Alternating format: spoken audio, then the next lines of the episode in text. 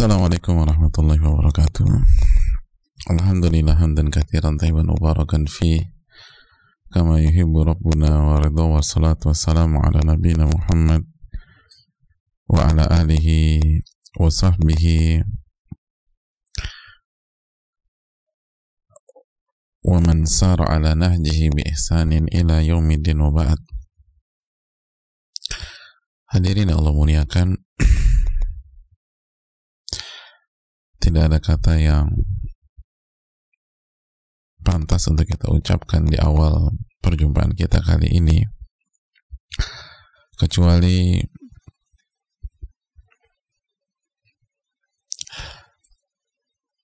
permintaan kita kepada Allah Subhanahu wa taala agar Allah menolong kita mendapatkan ilmu yang bermanfaat, memberikan keberkahan ilmu kepada kita,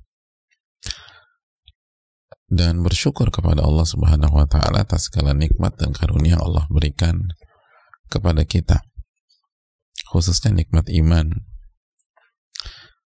dan nikmat Islam, nikmat yang menjadi dua kunci kebahagiaan kita di dunia maupun di akhirat.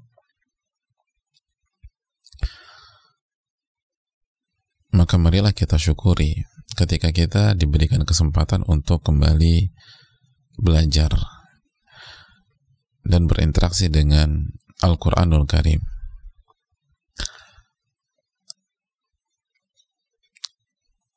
Ayat-ayat yang diturunkan oleh Allah Subhanahu wa taala sebagai petunjuk bagi kita. Dan itu tidak pernah diragukan Alif Lam Mim Dzalikal kitabu la raiba fih hudalil muttaqin.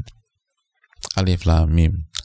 Kitab ini tidak ada keraguan sedikit pun sebagai petunjuk bagi orang-orang yang bertakwa. Sebagai petunjuk. Sebagaimana yang sempat kita bahas kemarin karena tidak tahu apa yang Allah firmankan di dalam Al-Quran tentang masalahnya, maka ada orang yang tersesat dalam masalahnya sendiri dalam kehidupannya selama 20-an tahun. 20 tahun. Seperti tersesat di tengah hutan yang tidak mengerti ke mana jalan keluar. Nyoba ke kanan, jalan buntu. Nyoba ke kiri jalan buntu. Nyoba lurus jalan buntu. Mau mentok. Padahal ketika ini didudukkan dan ditanyakan kepada orang yang mengetahui Al-Quranul Karim itu masalah bisa selesai hanya dalam 5 menit saja. Bahkan 5 menit bukan jadi 20 menit. Bukan jadi 20 jam. 5 menit menjadi 20 tahun. Dan itu realita maka bersyukurlah kepada Allah Subhanahu wa taala. Sebagaimana salawat serta salam semoga senantiasa tercurahkan kepada junjungan kita Nabi kita Sayyidina Muhammadin Sallallahu Alaihi Wasallam. Semoga Allah senantiasa memuji beliau di hadapan malaikat-malaikatnya merahmati. Dan juga salawat dan salam juga tertuju pada keluarga beliau sahabat-sahabat beliau dan orang-orang yang istiqomah berjalan di bawah naungan sunnah beliau sampai hari kiamat kelak. Hadirin Allah muliakan kita akan bersama Al-Imam An-Nawawi rahimahullahu ta'ala di dalam bab yang baru. Bab ketakwaan bab ketakwaan. Bersama salah satu buku terbaik di dunia. Dan buku yang buku terbaik dari segi penyebaran dan pengkajian setelah Al-Quranul Karim. Kitab yang bernama Riyadus Solihin dan di dalam bab ketakwaan ini Al-Imam Nawawi rahimahullah membawakan beberapa ayat sebelum memasuki beberapa hadis. Dan kita akan masuk ke ayat yang pertama. Ketika beliau mengangkat tentang ketakwaan. Ingat berbicara tentang ketakwaan berarti berbicara tentang bagaimana melindungi diri sendiri. Ini tentang kita jamaah dan jangan berpikir diribetkan, disulitkan.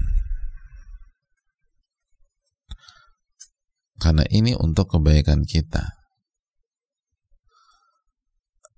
Dan pelindungan itu memang butuh effort, butuh upaya, butuh usaha, bahkan butuh biaya yang mungkin dari satu sisi terkesan lebih ribet dan lebih repot.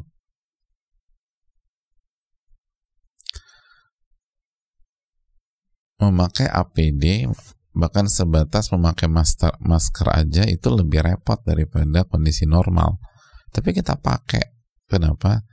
Sebagai pelindungan diri kita, ikhtiar, takarrub kepada Allah dari COVID-19 misalnya. Dokter pakai uh, baju hazmat ribet banget. Tapi dipakai kenapa? Pelindungan. Walaupun pengap, harus menunda makan, minum, bahkan nggak bisa buang air secara normal. Itu dijalani. Kenapa? Pelindungan perlindungan memang menuntut itu dan takwa artinya perlindungan sebagaimana sudah kita bahas dari kata-kata ittaqo yattaqi dari terus dari waqa yaki perlindungan wiqaya itu perlindungan saat seseorang ingin melindungi rumahnya yang besar, yang mewah, yang megah, dari pihak-pihak yang tidak bertanggung jawab, yang zolim, yang ingin mengambil sesuatu, maka ia akan meng-hire atau mengontrak tim keamanan untuk melindungi rumahnya. Emangnya itu nggak keluar biaya? Biaya. Tapi kita nggak ngeluh tuh. Karena fungsinya jelas perlindungan. Perlindungan itu butuh biaya. Nah begitu juga bertakwa pun butuh biaya. Maka ini yang perlu kita camkan. Tapi enaknya kan biayanya bukan dari kita juga. Uang itu uang semua dari Allah Subhanahu wa taala, pakai aja di jalan Allah. Dan itulah ketakwaan atau salah satu unsur ketakwaan. Ingat sekali lagi, jangan pernah lupa konsep simple ini. Simple aja. Berbicara ketakwaan, kita berbicara tentang konsep perlindungan diri. Dan ini tentang self-protecting gitu loh. Jadi nggak usah, ini tentang kita. Kita nggak bertakwa, maka kita biarkan diri kita menjalani hidup tanpa ada perlindungan apa pun. Tanpa ada perlindungan apa pun. Maka jangan salahkan siapa-siapa. Kalau ada terjadi sesuatu yang buruk dengan kita, Anda nggak pakai perlindungan. Takwa adalah perlindungan diri. Itulah makna takwa dalam bahasa Arab. Dan ini yang suka disalahpahami. Dan ketika kita salah paham dalam memaknai ketakwaan, sehingga kita pikir ini semua untuk kepentingan Allah, karena ini perint, apa, dipaksa orang tua misalnya, maka akhirnya poinnya tidak dapat dan kita nggak totalitas dalam bertakwa dan akhirnya kita sendiri yang menjadi korban dari itu semua. Kita masuk ke surat Ali Imran ayat 102. ayat yang pertama berkata al-imam Yahya bin Sharaf bin Murri bin Hasan bin Husain bin Muhammad Abu Zakaria An-Nawawi rahimahullahu taala semoga Allah merahmati beliau merahmati seluruh orang yang beliau cintai keluarga, orang tua, guru dan semoga Allah merahmati seluruh umat Islam di mana pun berada. Al-Imam Nawawi menyatakan qala Allah taala. Allah Subhanahu wa taala berfirman Ya ayyuhalladzina amanu taqullaha haqqa tuqatih wa la tamutunna illa wa antum muslimun Wahai orang-orang yang beriman bertakwalah kepada Allah dengan sebenar-benarnya takwa dan janganlah kalian mati kecuali dalam kondisi beriman. Bertakwalah kepada Allah dengan takwa yang benar. Takwa yang benar. Dan janganlah kalian mati, kalian wafat, kecuali sebagai seorang muslim sebagai seorang muslim. Hadirin Allah muliakan,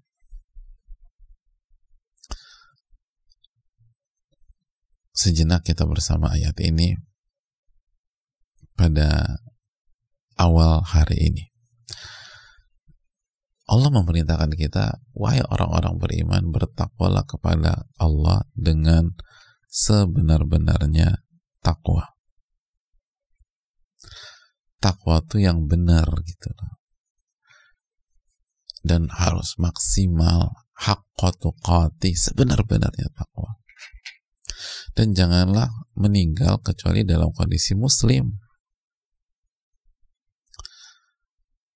Kata para ulama seperti Al-Imam Sa'di, ini perintah untuk bertakwa dengan benar, lalu bukan dalam hitungan satu dua hari,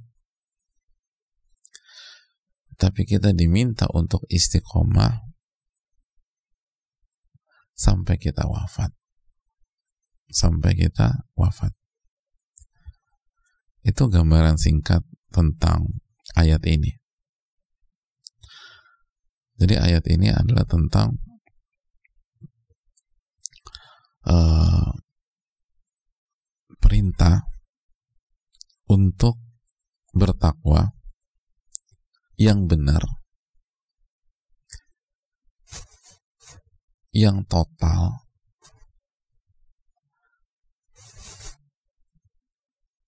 dan bukan satu dua bulan, bukan satu dua tahun, bukan hanya pada saat pandemi doang, bukan pada saat bisnis drop aja,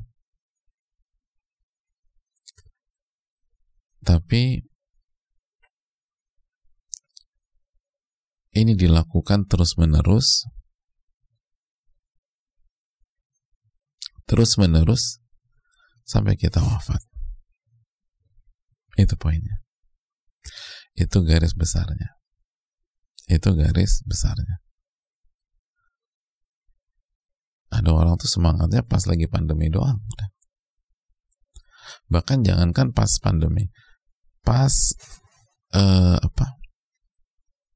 Pas PSBB begitu PSBB udah dibuka udah lupa lagi tuh lupa ngaji.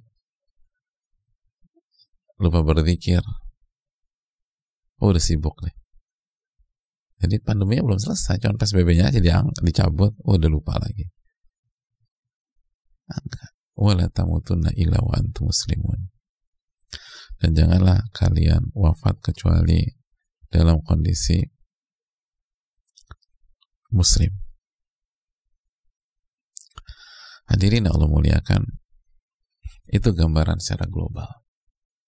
Nah pertanyaannya sekarang, eh, apa sih takwa yang benar itu, gitu ya? Jadi, sebagaimana tafsir dari ayat ini. Jadi tafsir ayat ini tentang takwa yang benar, sebenarnya takwa itu seperti apa? Seperti apa? Hadirin Allah muliakan. Mari kita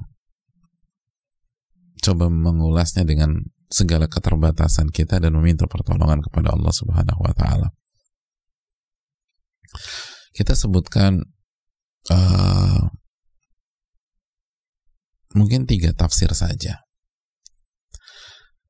Tafsir Abdullah bin Mas'ud, lalu tafsir Ibnu Abbas, dan tafsir Anas bin Malik. Saya rasa tiga tafsir ini sudah cukup untuk mewakili hadis ini.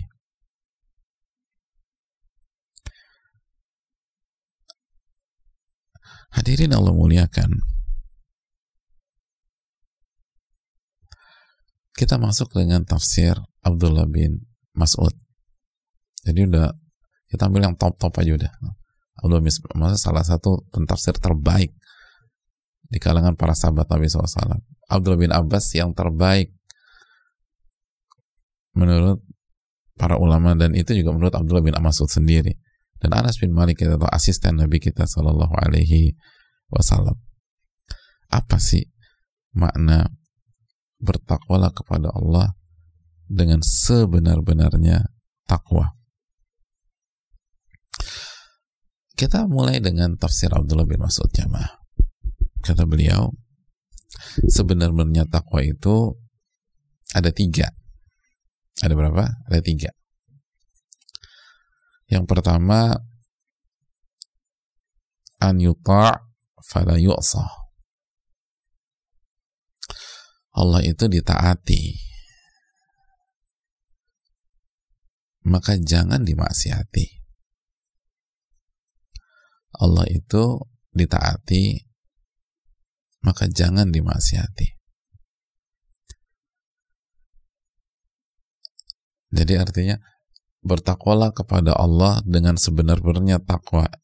Maka taatlah kepada Allah dan jangan maksiat kepada Allah. Dan kembalikan kepada konsep takwa. Berarti kalau Anda ingin melindungi diri Anda, maka nurutlah sama Allah. Taatlah sama Allah dan jangan bermaksiat. Begitu kita bermaksiat, itu sama saja hidup tanpa perlindungan. Dan itu fatal. Jadi maksiat itu bukan hidup bebas, tapi hidup tanpa perlindungan. Waduh, babak belur jamaah. Tanpa perlindungan. Jadi ingatlah baik-baik ketika kita sengaja bermaksiat, maka pada saat itu dengan sengaja kita hidup tanpa perlindungan.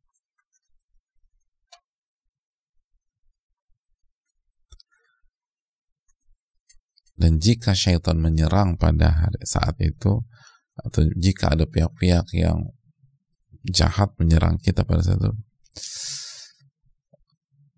nggak ada perlindungan sama sekali.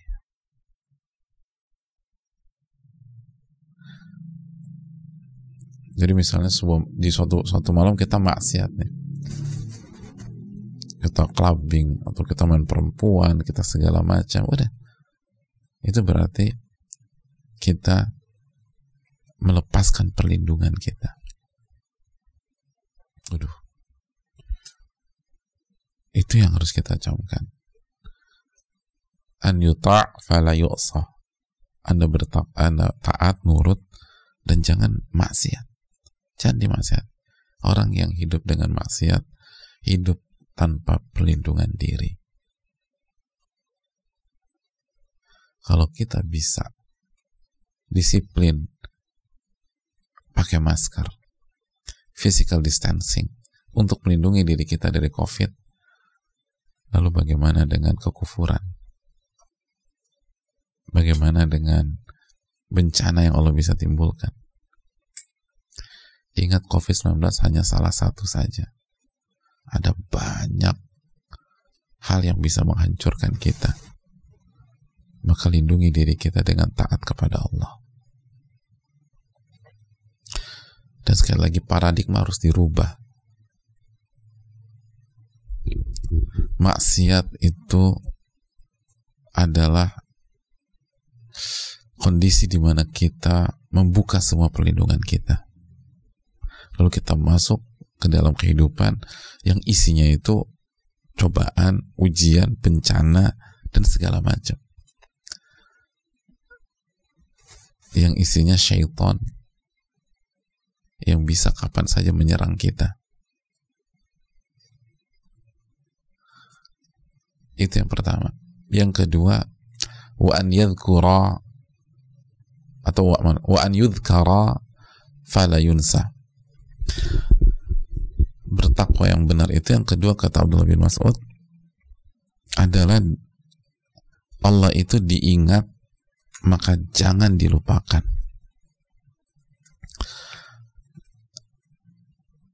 Jadi yang kedua berzikir dan mengingat Allah ingin bertakwa yang benar maka isilah hari-hari kita dengan mengingat Allah dan jangan pernah lupa sama Allah.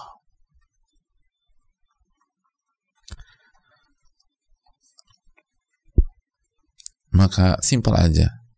Ketika kita hari ini nih hari ini, ketika kita lupa baca zikir pagi, maka itu artinya hari ini kita kita jalani tanpa perlindungan. Tanpa perlindungan.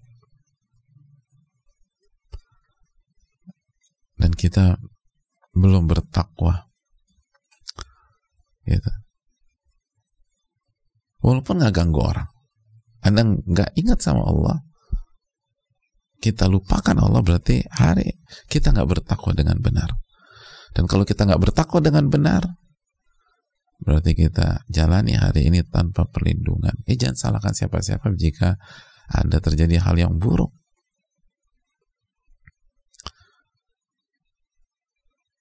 Yang bisa menghancurkan cita-cita kita di akhirat. Lalu kita keluar rumah, udah keluar rumah main jalan aja udah, nggak baca Bismillah, nggak baca Bismillah, tawakkaltu ala Allahi la wa la quwata illa billah. Allahumma inni a'udzubika an adilla an udhall aw azila aw zal aw adlima udlam aw ajhalu jal alayya. Berarti ketika kita keluar rumah itu keluar rumah tanpa perlindungan. Karena kita lupa sama Allah tanpa perlindungan. Gitu. Itu lebih parah daripada ke red zone tanpa bawa masker. Ya jangan salahkan siapa-siapa kalau terjadi sesuatu. Kita yang nggak bertakwa dengan benar. Berarti kita nggak melindungi diri kita dengan benar. Ketika kita naik kendaraan dan kita nggak baca doa naik kendaraan kita lupa sama Allah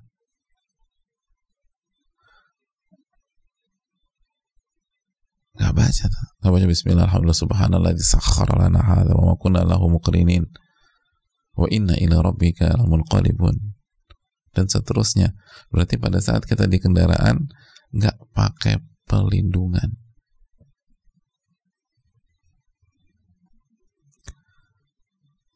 Itu. Itu lebih bahaya daripada naik mobil kecepatan tinggi nggak pakai safety belt dan nggak ada airbagnya. Nggak ada airbagnya. Jadi bahaya jamaah. Ini hidup tanpa perlindungan.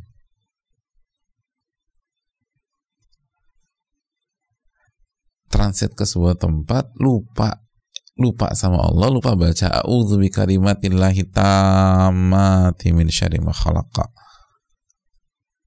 itu sama aja kita berada di tempat asing tanpa ada perlindungan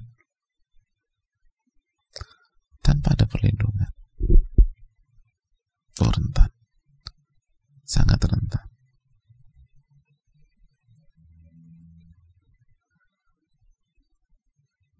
Dan itu bukan orang yang bertakwa. Kalau kita gini jadi kalau kita suka lupa zikir udah berarti kita nggak bertakwa dengan benar deh walaupun teman-teman kita bilang oh lo masya Allah sih oh lo nggak ada lupa sama Allah kita nggak bertakwa. Dan nggak bertakwa artinya kita tidak melindungi diri kita tidak hidup dengan perlindungan. Dan begitu seterusnya seterusnya. Masuk waktu sore udah baca zikir petang belum? Pulang ke rumah ingat sama Allah nggak ketika pulang ke rumah ya wajar di rumah banyak masalah. Wong kita nggak ingat sama Allah. Saking lupanya sama Allah hanya de, hanya untuk membaca doa sesimpel Bismillah aja kita lupa ketika masuk rumah. Cuma baca salit kalimat Bismillah. Lupa kita.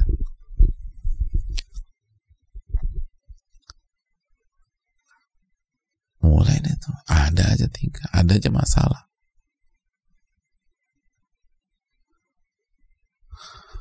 ini yang harus kita dudukkan jemaah sekalian. Lupa sama Allah ini fatal. Jadi ingatlah ingatlah ingatlah ingatlah.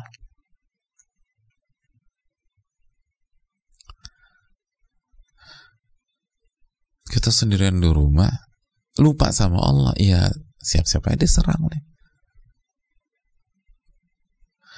kan kita tahu bagaimana si syaitan ini jamaah. Kita hafal ayatnya. Min syarril waswasil khannas. Apa artinya? Apa tafsirnya? Min syarri. Dari keburukan. Al waswas. Nama lain dari syaitan. Al-Khannas. Apa makna Al-Khannas?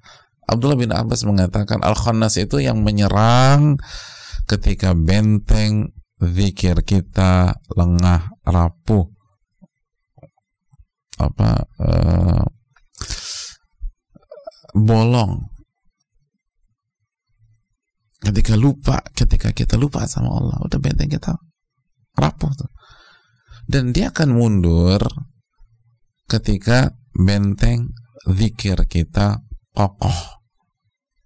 Karena, itu zikir itu per, perlindungan itu benteng begitu kita lupa sama Allah lupa berzikir kepada Allah itu benteng bahaya. Benteng kosong tuh. Ya wajar kalau ada pihak masuk dari luar. Harus ingat sama Allah.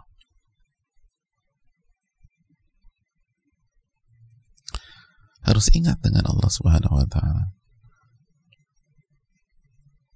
Oleh karena itu jamaah yang Allah muliakan,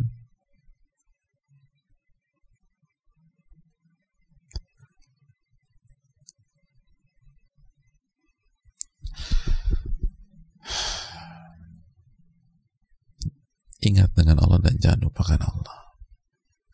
Jadi baca zikir pagi, jaga baca zikir sore, petang. Mulai sekarang camkan ini sebuah kebutuhan baca zikir atau doa keluar rumah, masuk rumah, camkan ini sebuah kebutuhan. Mulai dari sekarang. Baca zikir atau doa mau makan itu sebuah kebutuhan. Membaca subhanallah walhamdulillah wala ilaha illallah wallahu akbar. Ini sebuah kebutuhan. Kebutuhan melindungi diri membaca subhanallah wa bihamdihi subhanallahil azim itu sebuah kebutuhan biar diri kita terlindungi membaca alhamdulillah Alhamdulillahilladzi bi ni'mati tatimmu salihat. Ketika kita mendapatkan nikmat itu kebutuhan. Biar kita tuh terlindungi nggak lengah.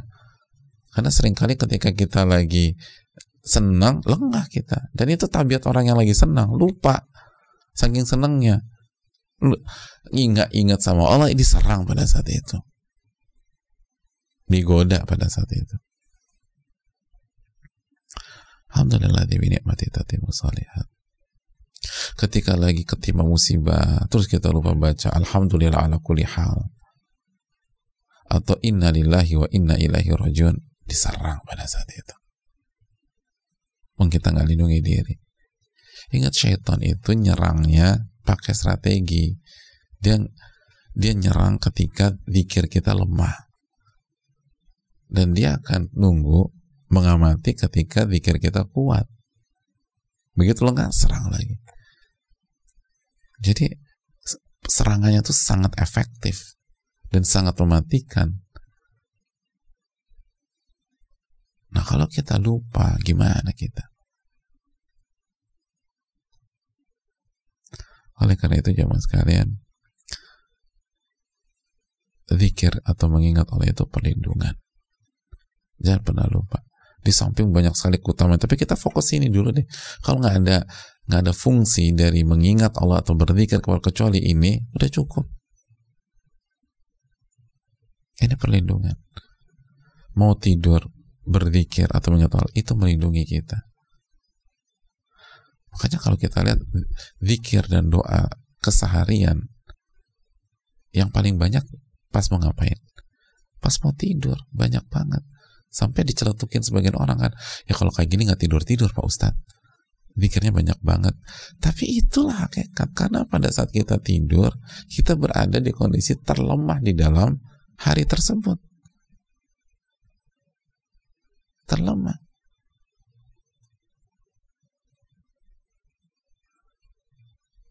Maka perlindungannya harus banyak. Itu waktu terentan di dalam hari kita tuh di situ. Waktu terentan. Yang paling gampang diserang kan pada saat kita tidur. Maka perlindungannya sebelum kita terlelap harus maksimal.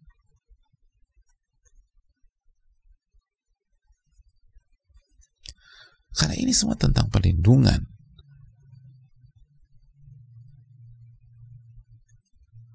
Maka bertakwalah kepada Allah karena arti takwa adalah melindungi diri kita sendiri.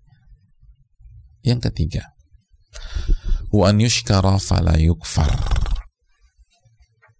Allah itu disyukuri dan tidak dikufuri. Jadi bertakwa yang benar itu adalah pada saat kita banyak-banyak bersyukur kepada Allah. Banyak-banyak bersyukur kepada Allah. Maka jangan pernah mimpi jadi orang bertakwa kalau kita nggak bersyukur sama Allah. Kalau kita kufur kepada Allah, kufur nikmat kepada Allah.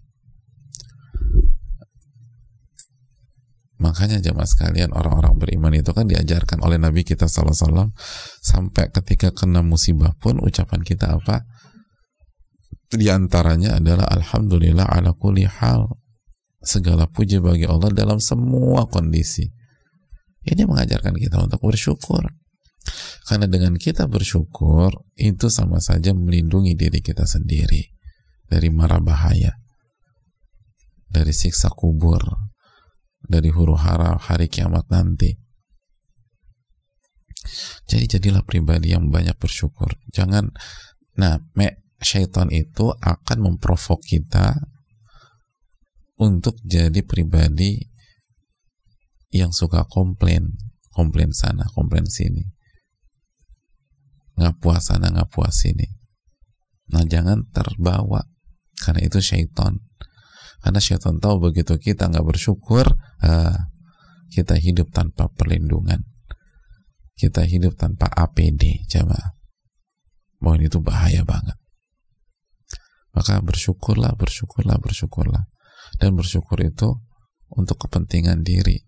Jadi jangan jangan jadikan ajang perdebatan. Kata suaminya, kamu tuh nggak bersyukur jadi istri. Kamu juga nggak bersyukur jadi suami. Loh, kok main main bangga-banggaan nggak bawa APD gitu loh harusnya kamu tuh nggak bersyukur sebagai istri oh iya benar ya terima kasih udah diingatkan saya nggak bawa perlindungan ah, mau pakai perlindungan dulu. Ini kan tentang diri kita.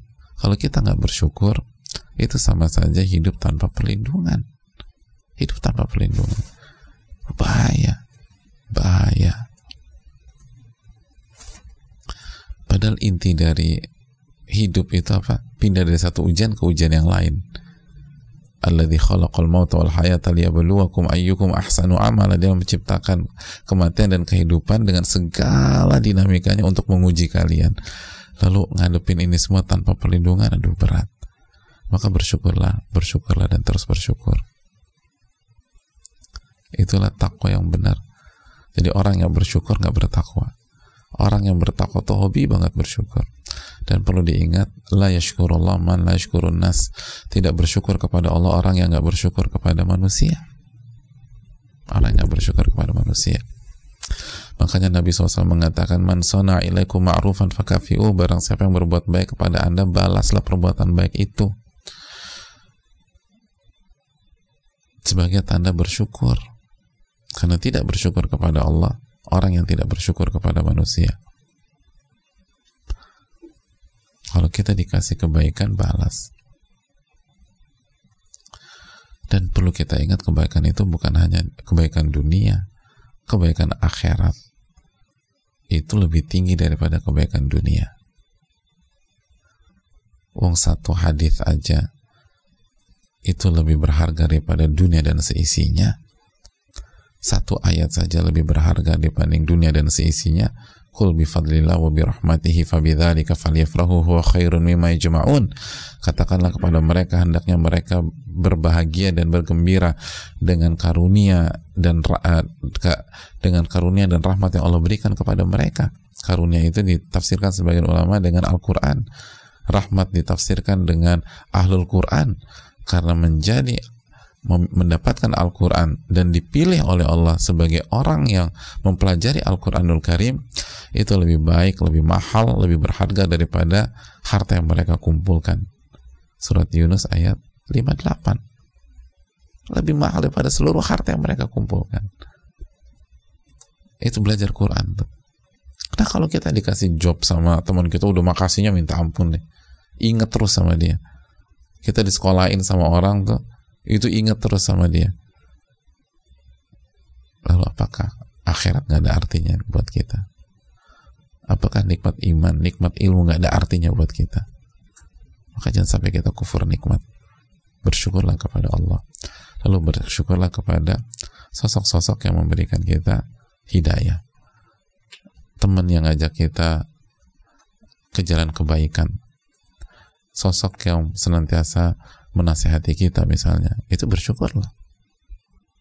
Kalau kita nggak bersyukur walaupun puasanya rajin nggak bersyukur kita belum jadi ahli takwa kita belum jadi ahli takwa dan ingat syaitan selalu mengajak kita untuk tidak bersyukur. Karena syaitan tahu itu cara yang sangat efektif memasukkan orang ke neraka. Makanya ingat kenapa mayoritas penghuni neraka itu perempuan apa karena kufur kepada Allah? Bukan. Kufur nikmat. Yakfurna. Yakfurna al-ashir wa yakfurna al-ihsan kata Nabi SAW. Itu wanita suka kufur nikmat suami dan kufur berbagai macam kebaikan. Ah itu. Jadi bukan ahli takwa tuh. Jadi banyak bersyukur dan tidak kufur. Dan bersyukur adalah melindungi diri. Ingat, Bersyukur itu melindungi diri. Bersyukur itu melindungi diri. Itu yang dikatakan Abdullah bin Mas'ud. Kita lanjutkan hadirin Allah muliakan. Abdullah bin Abbas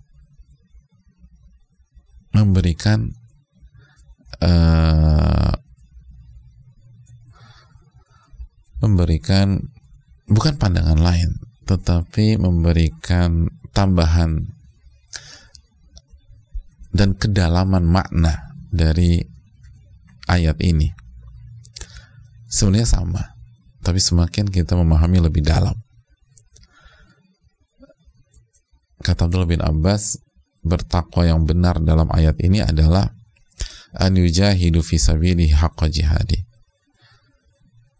Bertakwa yang benar haqqa tuqati itu adalah dengan berjuang berjihad di di dalam atau di jalan Allah Subhanahu wa taala dengan sebenar-benarnya jihad atau perjuangan.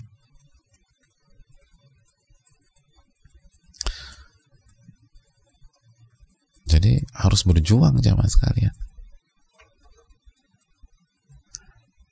Harus berjuang di jalan Allah Subhanahu wa taala.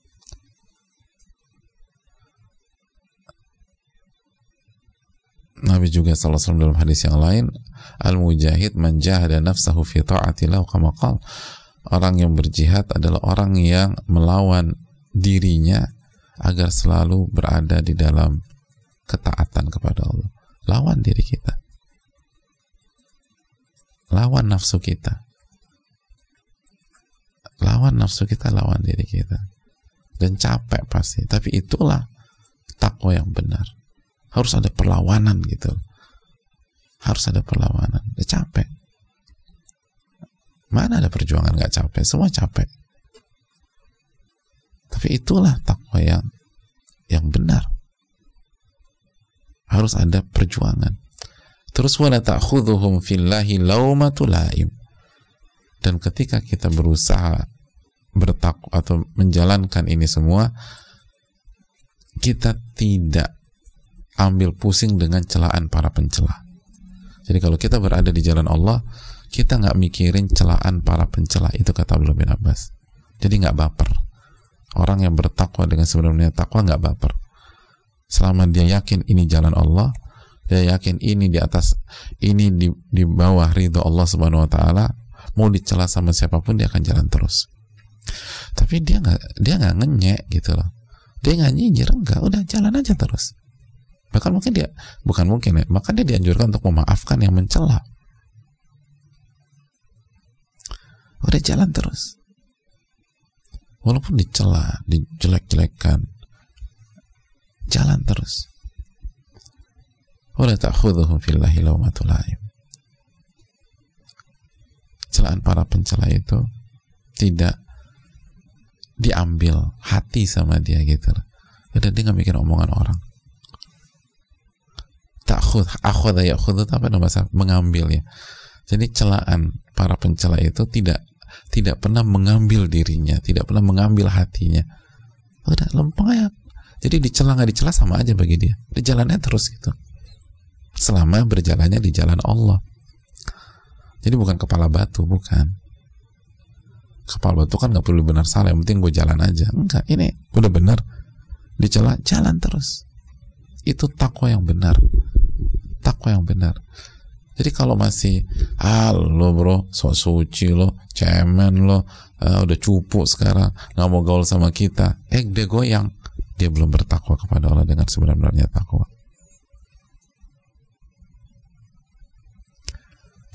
gitu loh pokoknya kak dia nggak ke bawah suasana.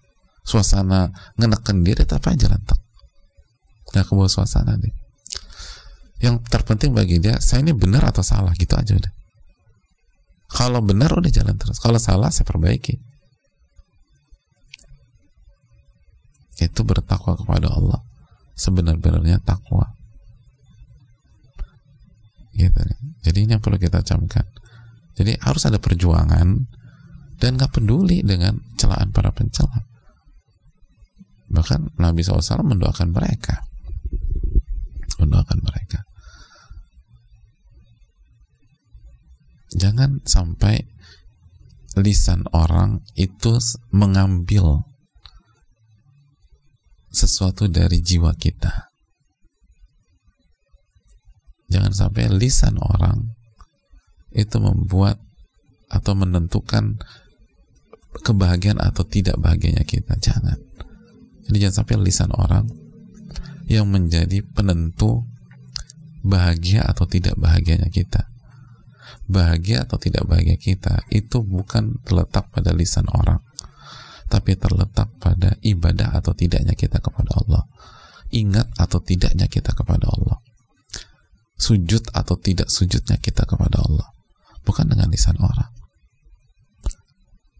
Makanya kalau kita senang, tersipu, dan bahagia kalau dipuji orang, maka siap-siap aja sakit hati dan terambil ketika dicela oleh orang. Itu sudah satu paket. Itu seperti dua sisi mata uang. Anda senang kalau dipuji orang, maka Anda akan sakit hati kalau dicela orang.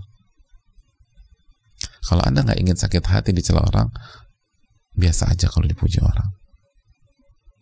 Allah taala alam. terus yang ketiga wa bil qisti walau ala anfusihim wa abaihim wa abnaihim orang yang bertakwa dengan benar itu tetap berpegang atau tetap komit dengan kebenaran dan objektif. Walaupun atas diri mereka orang tua mereka atau anak-anak mereka. Walaupun berkaitan dengan diri mereka orang tua mereka atau anak-anak mereka. Jadi orang yang bertakwa dengan benar itu kalau udah berkaitan dengan kebenaran mau siapa pun kayak tetap aja kebenaran nomor satu. Termasuk diri mereka. Kita salah nih dibenerin. Oh ternyata salah ya? Ya udah saya berusaha berubah. Gitu udah simpel nggak ngotot. Eh, lu kan anak kemarin sore. Jangan sosok ngulain gue deh. Enggak. Oh iya salah ya? Oke saya berubah atau ternyata anaknya salah. Mohon maaf mas. Anak kamu tuh kemarin kayak gini. Oh gitu ya? Oke. Okay. saya akan luruskan anak saya. Makasih udah dikasih bantu jangan ngotot gitu loh. Kayak anak lo paling baik aja. Lo apa hubungannya? Namanya juga anak-anak pasti salah pasti banyak yang salah. Atau orang tua. Jadi siapa pun kalau salah ya salah itulah objektivitas. Ya udah objektif aja. Jangan subjektif. Jangan mentang-mentang kepentingan kita kita dukung semua. Enggak. Oh ini ada, ada masukan lebih bagus. Oke saya ikut. Gitu. Objektif. Dan ini barang langka jamaah atau sifat langka. Imam Malik aja pernah mengatakan objektivitas hari ini itu sifat yang langka. Itu di masa Imam Malik. Gurunya Imam Syafi'i. Gimana hari ini maka jadilah orang-orang objektif dan ingat objektivitas itu ternyata melindungi diri kita loh karena takwa adalah melindungi diri. Dan berjuang itu melindungi diri kita. Jadi perjuangan di jalan Allah itu melindungi diri kita. Melindungi diri. Melindungi orang, keluarga, dan semuanya. Dan begitu juga, tidak ambil tidak ambil hati dan tidak pusing omongan orang, celan orang, itu melindungi diri kita. Makanya lihat ya, coba kita lihat ya, orang yang nggak peduli omongan celaan orang itu hidupnya enak aja. Karena itu tadi ini konsep melindungi diri. Justru kalau kita kepoin omongan orang penasaran senang itu ngancurin diri kita sendiri. Ngancurin. Jadi kalau ingin melindungi diri nggak usah peduli dengan celaan orang itu melindungi diri. Karena takwa adalah melindungi diri kita. Dan objektif lah objektif. Jangan mentang-mentang ini kepentingan kita kita benarkan semua. Kalau salah salah Imam Syafi'i aja mengatakan idza khalafa qawli qala qala uh, idza khalafa qawli qala rasul qala rasul fadribu bi qawli hardal ahid fadribu bi qawli ardal haid kalau ucapanku bertentangan dengan sunnah Rasul buang saja ucapanku ke tembok. Itu Imam Syafi'i rahimahullah. Ulama yang sangat kita cintai yang ilmunya masya Allah apalagi kita. Apalagi penuntut ilmu. Dan nggak ada dan kita benar semua tuh nggak ada. Kita bukan maksum. Kita nggak sempurna. Kita tidak sempurna kita nggak sempurna ini yang perlu kita camkan nggak ada nggak ada orang yang sempurna tuh nggak ada dan kalaupun di antara jamaah bilang, ada Ustaz, tetangga saya. Namanya Mas Sampu, Sempurna Santoso. Nama Sempurna Santoso pun nggak sempurna. Nggak sempurna. Nggak ada yang sempurna. Kita semua nggak sempurna. Kita pasti salah. Kita pasti khilaf. Udah objektif aja. Kalau salah, bilang salah. Kalau benar, bilang benar. Dan itu yang melindungi kita. Lihat mental objektif itu kan melindungi kehidupan seseorang. Dan sebaliknya, kalau selalu apa membela diri dan seterusnya itu justru menghancurkan kita. Dan yang terakhir zaman sekalian keterangan dari Anas bin Malik. Menguatkan. Tidak tidak berbeda. Sekali lagi tiga tafsir ini nggak ada perbedaan. Cuman saling menguatkan dan saling mengisi Kata Anas bin Malik diriwayatkan dan bisa dicek dalam tafsir Ibnu Katsir, la yattaqil abdullaha haqqa tuqatihi hatta yakhzin atau yakhzan min lisani. Tidaklah seseorang hamba itu bertakwa kepada Allah. Tidaklah seorang hamba itu bertakwa kepada Allah dengan sebenar-benarnya takwa dengan sebenar-benarnya takwa sampai dia menyimpan lisannya. Menyimpan lisannya. Hatta yakhzuna min lisanihi.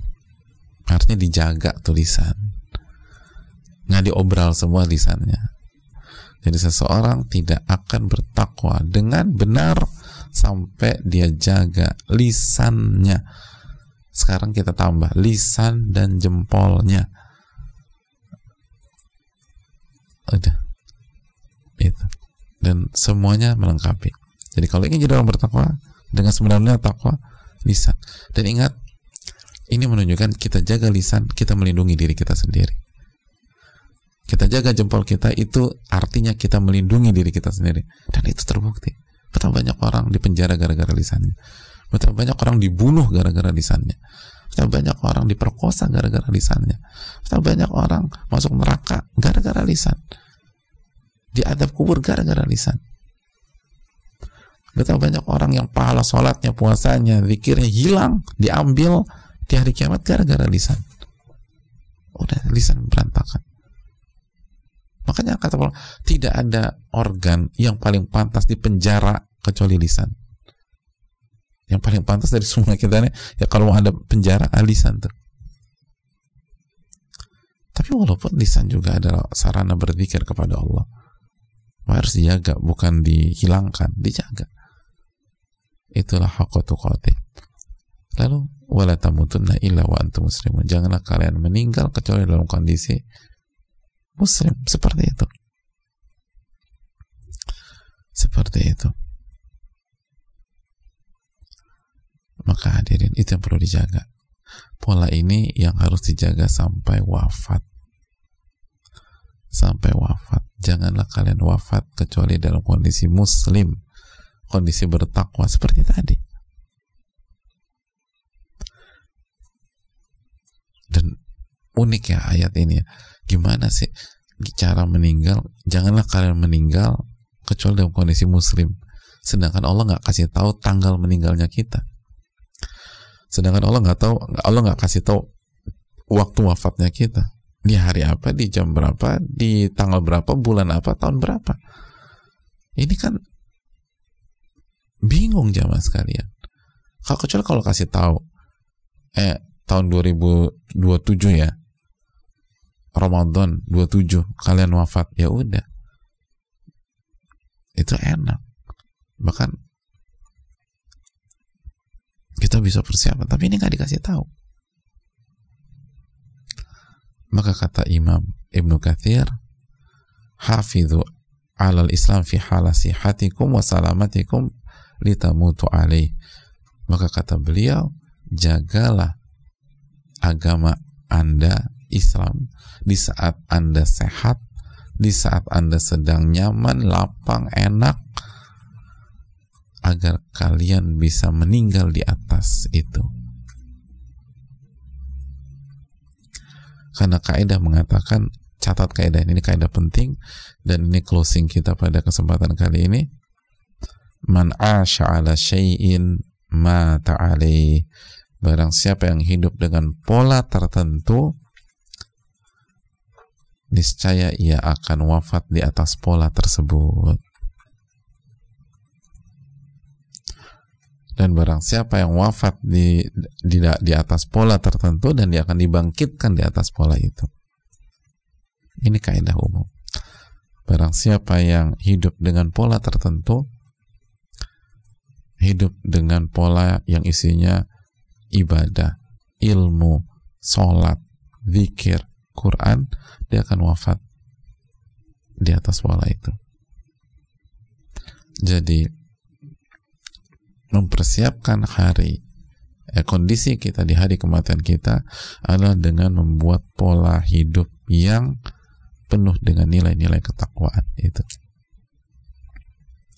Karena tanggalnya nggak dikasih tahu sama Allah.